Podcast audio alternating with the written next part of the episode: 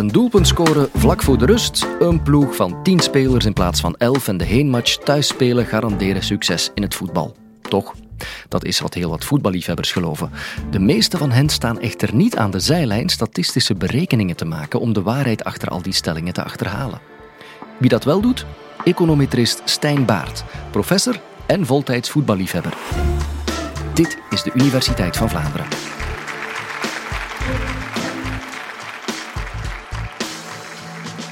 Ik wil het met u hebben over voetbalwijsheden of voetbalmythes. Nu, u weet dat professoren liever lui dan moe zijn, dus het geven van een aantal voorbeelden van dergelijke mythes laat ik bij deze over aan mijn assistenten voor vanavond.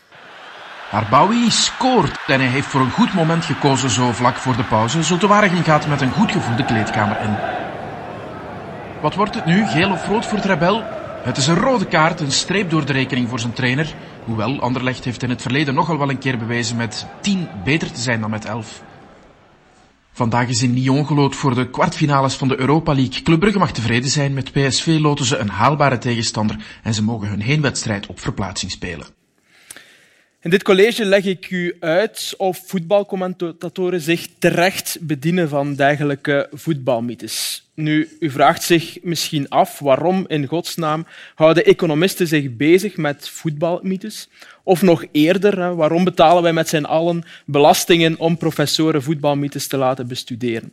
Wel, het antwoord is vrij simpel. Voetbal is big business en op die manier zijn economisten heel erg geïnteresseerd om te gaan verklaren wat succes in de voetbalwereld determineert en welke ploegen dat het minder goed doen.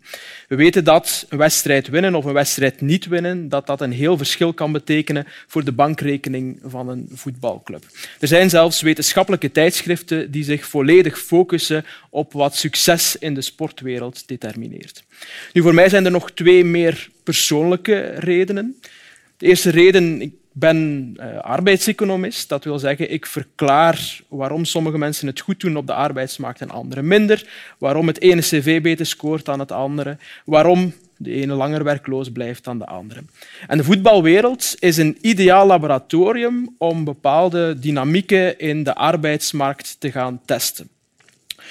We weten dat er over voetbal heel veel data beschikbaar is, dat we ook heel goed kunnen gaan zien wie productief is en wie niet productief is. Wie productief is, die scoort, die wint wedstrijden. Wie niet productief is, doet dat veel minder. En dan kunnen we heel eenvoudig gaan nagaan of er bijvoorbeeld discriminatie is op die markt. Of een Afrikaanse speler die precies even productief is als een Europese speler, of die dan ook precies evenveel verdienen. We kunnen gaan kijken of automatismen leiden tot meer productiviteit, dan wel meer afwisseling in de teamsamenstelling leidt tot een hogere productiviteit. En we kunnen gaan kijken of het vervangen van een manager of dat leidt tot betere uitslagen voor een voetbalteam. Het lijken in eerste instantie vragen die vooral voor de voetbalwereld eh, van belang zijn. Maar deze vragen beantwoorden kan ons helpen om een dieper inzicht te bekomen in thema's zoals arbeidsmarktdiscriminatie, zoals werkorganisatie en zodoende diepere inzichten voor de arbeidseconomie. Ik ga het vandaag niet zozeer hebben over analyses die dicht bij de arbeidsmarkt liggen. Daar kunnen we eventueel in een later college nog eens op terugkomen.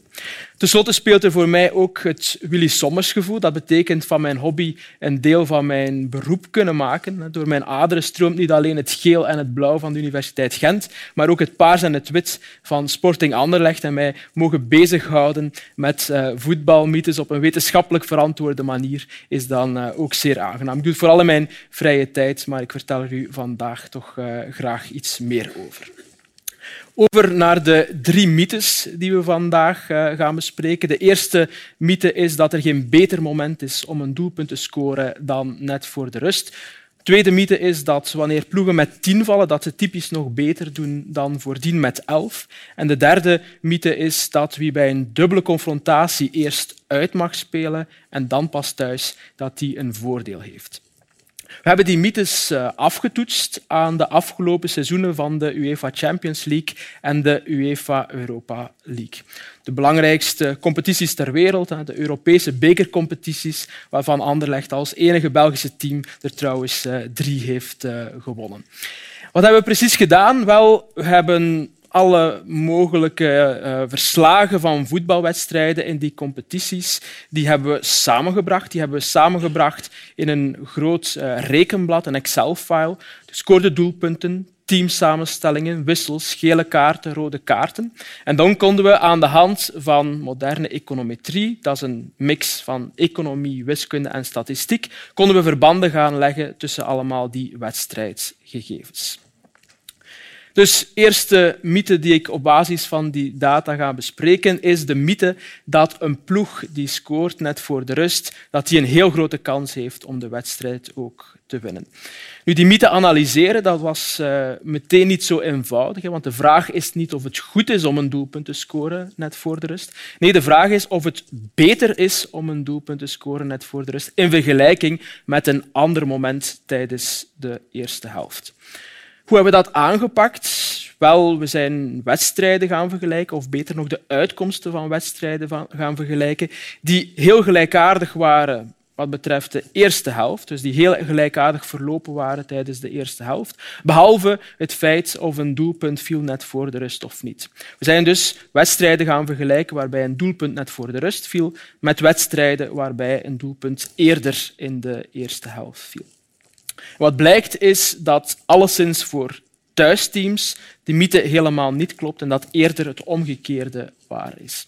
Wanneer thuisteams een doelpunt maken net voor de rust in plaats van op een ander moment tijdens de eerste helft, dan is een doelsaldo op het einde van de wedstrijd gemiddeld een half doelpunt lager.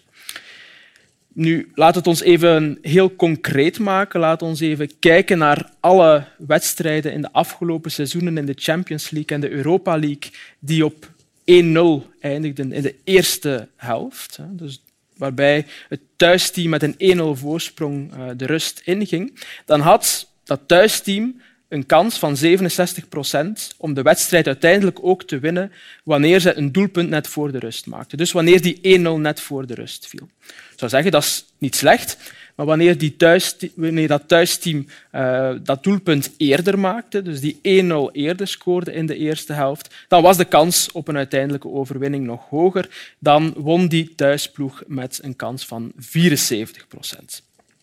Voor uitteams vonden we helemaal geen evidentie voor die mythe. Of zij nu een doelpunt scoorden net voor de rust of eerder in de eerste helft, dat had helemaal geen effect op de kansen voor die uitploeg om de wedstrijd te winnen.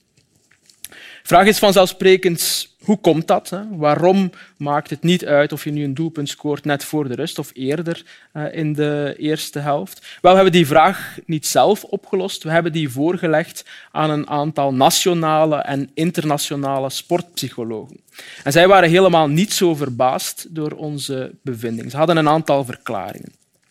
De eerste verklaring was dat een doelpunt net voor de lust kan leiden tot decompressie betekent gezonde druk valt weg.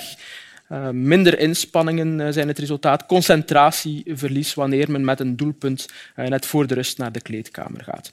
En dat strookt ook met bijkomende analyses die we hebben gedaan. We hebben gezien dat wanneer een thuisteam naar de rust trekt met een, met een doelpunt, toegejuicht door het thuispubliek, dat, die, dat die thuisploeg typisch na de rust minder scoort en minder vaak als eerste team scoort dan een volledig gelijkaardig team dat eerder in de eerste helft een doelpunt scoort. Tweede verklaring die die sportpsychologen ons gaven, had te maken met zelfvertrouwen, met zelfbewustzijn. Op zich positieve zaken. Zelfbewustzijn, zelfvertrouwen, dat groeit wanneer men met een doelpunt net voor de rust naar de kleedkamer trekt. Maar dat zelfvertrouwen en zelfbewustzijn dat kan overslaan in zelfoverschatting. En dat is natuurlijk uh, niet iets goeds. Bovendien een te hoog zelfbewustzijn dat kan leiden tot een meer negatieve druk. Derde en laatste verklaring voor uh, onze bevinding had te maken met trainers. Trainers doen vaak uh, tactische bijstellingen tijdens de rust. Het is mogelijk dat de emotie van een doelpunt, net voor het ingaan van de rust, dat dat een blik op de uh, verhoudingen tussen de verschillende ploegen ja, verkeerd beïnvloedt en dat zij dus verkeerde ingrepen gaan doen. Tweede mythe, wanneer ploegen met tien vallen, doen ze het typisch nog beter dan voordien met elf. Ook die mythe, en eigenlijk komt dat neer op het analyseren van het effect van een rode kaart, ook dat hebben we geanalyseerd op basis van de data van de Champions League en de Europa League. Wat blijkt is dat in elk geval voor thuisspelende teams dat een rode kaart slecht nieuws is. Wanneer een thuisspeler wordt uitgesloten, dan doet zijn team het na die rode kaart typisch minder goed en dan is het doelsaldo op het einde van de wedstrijd meer in het nadeel van die ploeg dan wanneer de rode kaart niet valt. We zien dat thuisspelende teams die een rode kaart pakken, dat zij nadien minder scoren en dat zij nadien meer doelpunten tegenkrijgen dan wanneer zij die rode kaart niet hadden gepakt. Voor uitspelende teams is het iets complexer. Voor hen is het belangrijk wanneer de rode kaart valt.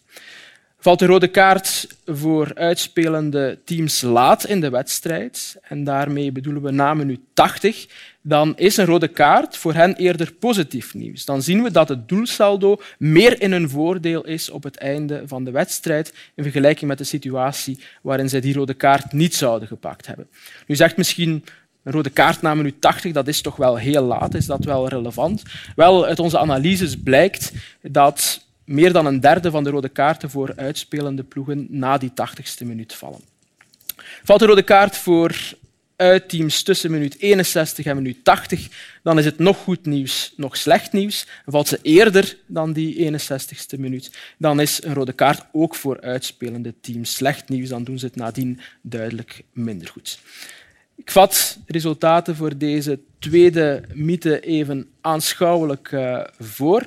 Stel de buitengewone voetbaltrainer Aten Mos die ziet zijn voetbalteam een rode kaart pakken. Is dit dan iets dat hem tevreden of ontevreden moet stellen? Wel, het hangt er dus vanaf. Is zijn team een thuisteam, dan is een rode kaart altijd slecht nieuws. Dan zal zijn team het nadien minder goed doen.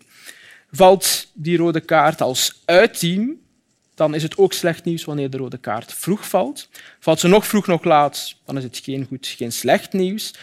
Valt die rode kaart voor het uitteam laat in de wedstrijd, dan is het pas goed nieuws en het wezen aad vanzelfsprekend uh, gegund. Vraag is opnieuw, wat kan deze bevinding verklaren? Het feit dat een rode kaart meestal slecht nieuws is, en dan zeker voor thuisspelende teams. Wel belangrijk is om daar een overweging te nemen dat thuisspelende teams typisch een meer complexe opdracht hebben. Zij moeten niet alleen een goed eindresultaat boeken, maar zij moeten ook nog aanvallend verzorgd voetbal spelen. Ze hebben dus meer taken te combineren. Het idee is dat het herschikken van de ploeg na het vallen van een rode kaart dat dat moeilijker is met die meer complexe opdrachten voor een Voor een uitteam zou meer de motivatie spelen wanneer een late rode kaart valt. Dan gaat het team zich extra inzetten, eh, gaat de teamgeest ook verhogen en de concentratie verhogen. En op die manier eh, is het zelfs mogelijk dat een rode kaart iets positief wordt. Derde en laatste mythe gaat over wedstrijden met een dubbele confrontatie. Waarbij de mythe is dat wanneer je zo'n dubbele confrontatie ingaat, dat het best is om de heenwedstrijd op veld van het andere team te spelen en de uh, terugwedstrijd op je eigen veld. De laatste rondes in de Champions League en de Europa League die worden typisch met zo'n dubbele confrontatie afgewerkt. Het zijn dus twee wedstrijden, één op het veld van het ene team en één op het veld van het andere team. En de doelpunten over die twee wedstrijden worden dan opgeteld, waarna het team met de meeste doelpunten over die wedstrijden doorgaat. Het idee leeft onder trainers dat het ideaal is om de heenwedstrijd op verplaatsing te spelen en de terugwedstrijd thuis, zodat het thuisvoordeel kan spelen op het moment dat het er echt toe doet. Nu, opnieuw vinden we geen evidentie voor die mythe. De grafiek die geeft duidelijk aan dat die trainers het bij het verkeerde eind hebben. Dat met andere woorden het niet uitmaakt of je nu eerst uitspeelt en dan thuis speelt, dat dat geen effect heeft op je kans om door te stoten naar de volgende ronde. Meer concreet zien we dat in 51 procent van die dubbele confrontaties het het team was dat eerst thuis speelde dat doorging. En slechts in 49 procent van de gevallen was het het team dat eerst uitspeelde. We hebben op de data voor deze mythe nog heel veel andere analyses uitgevoerd, maar nooit vonden we een voordeel voor teams die eerst uitspeelden. Conclusie. We vinden heel weinig evidentie voor die voetbalmythes. Zij lijken de confrontatie met onze data op geen enkele manier te doorstaan. Dus wanneer u de komende weken opnieuw deze mythes hoort vallen in Extra Time of een ander voetbalprogramma, dan mag u echt wel de hashtag fake news gebruiken. Bij leven en welzijn graag tot een volgende college. Ken jij nog superfans van voetbal? Vergeet dan zeker niet deze podcast met hen te delen.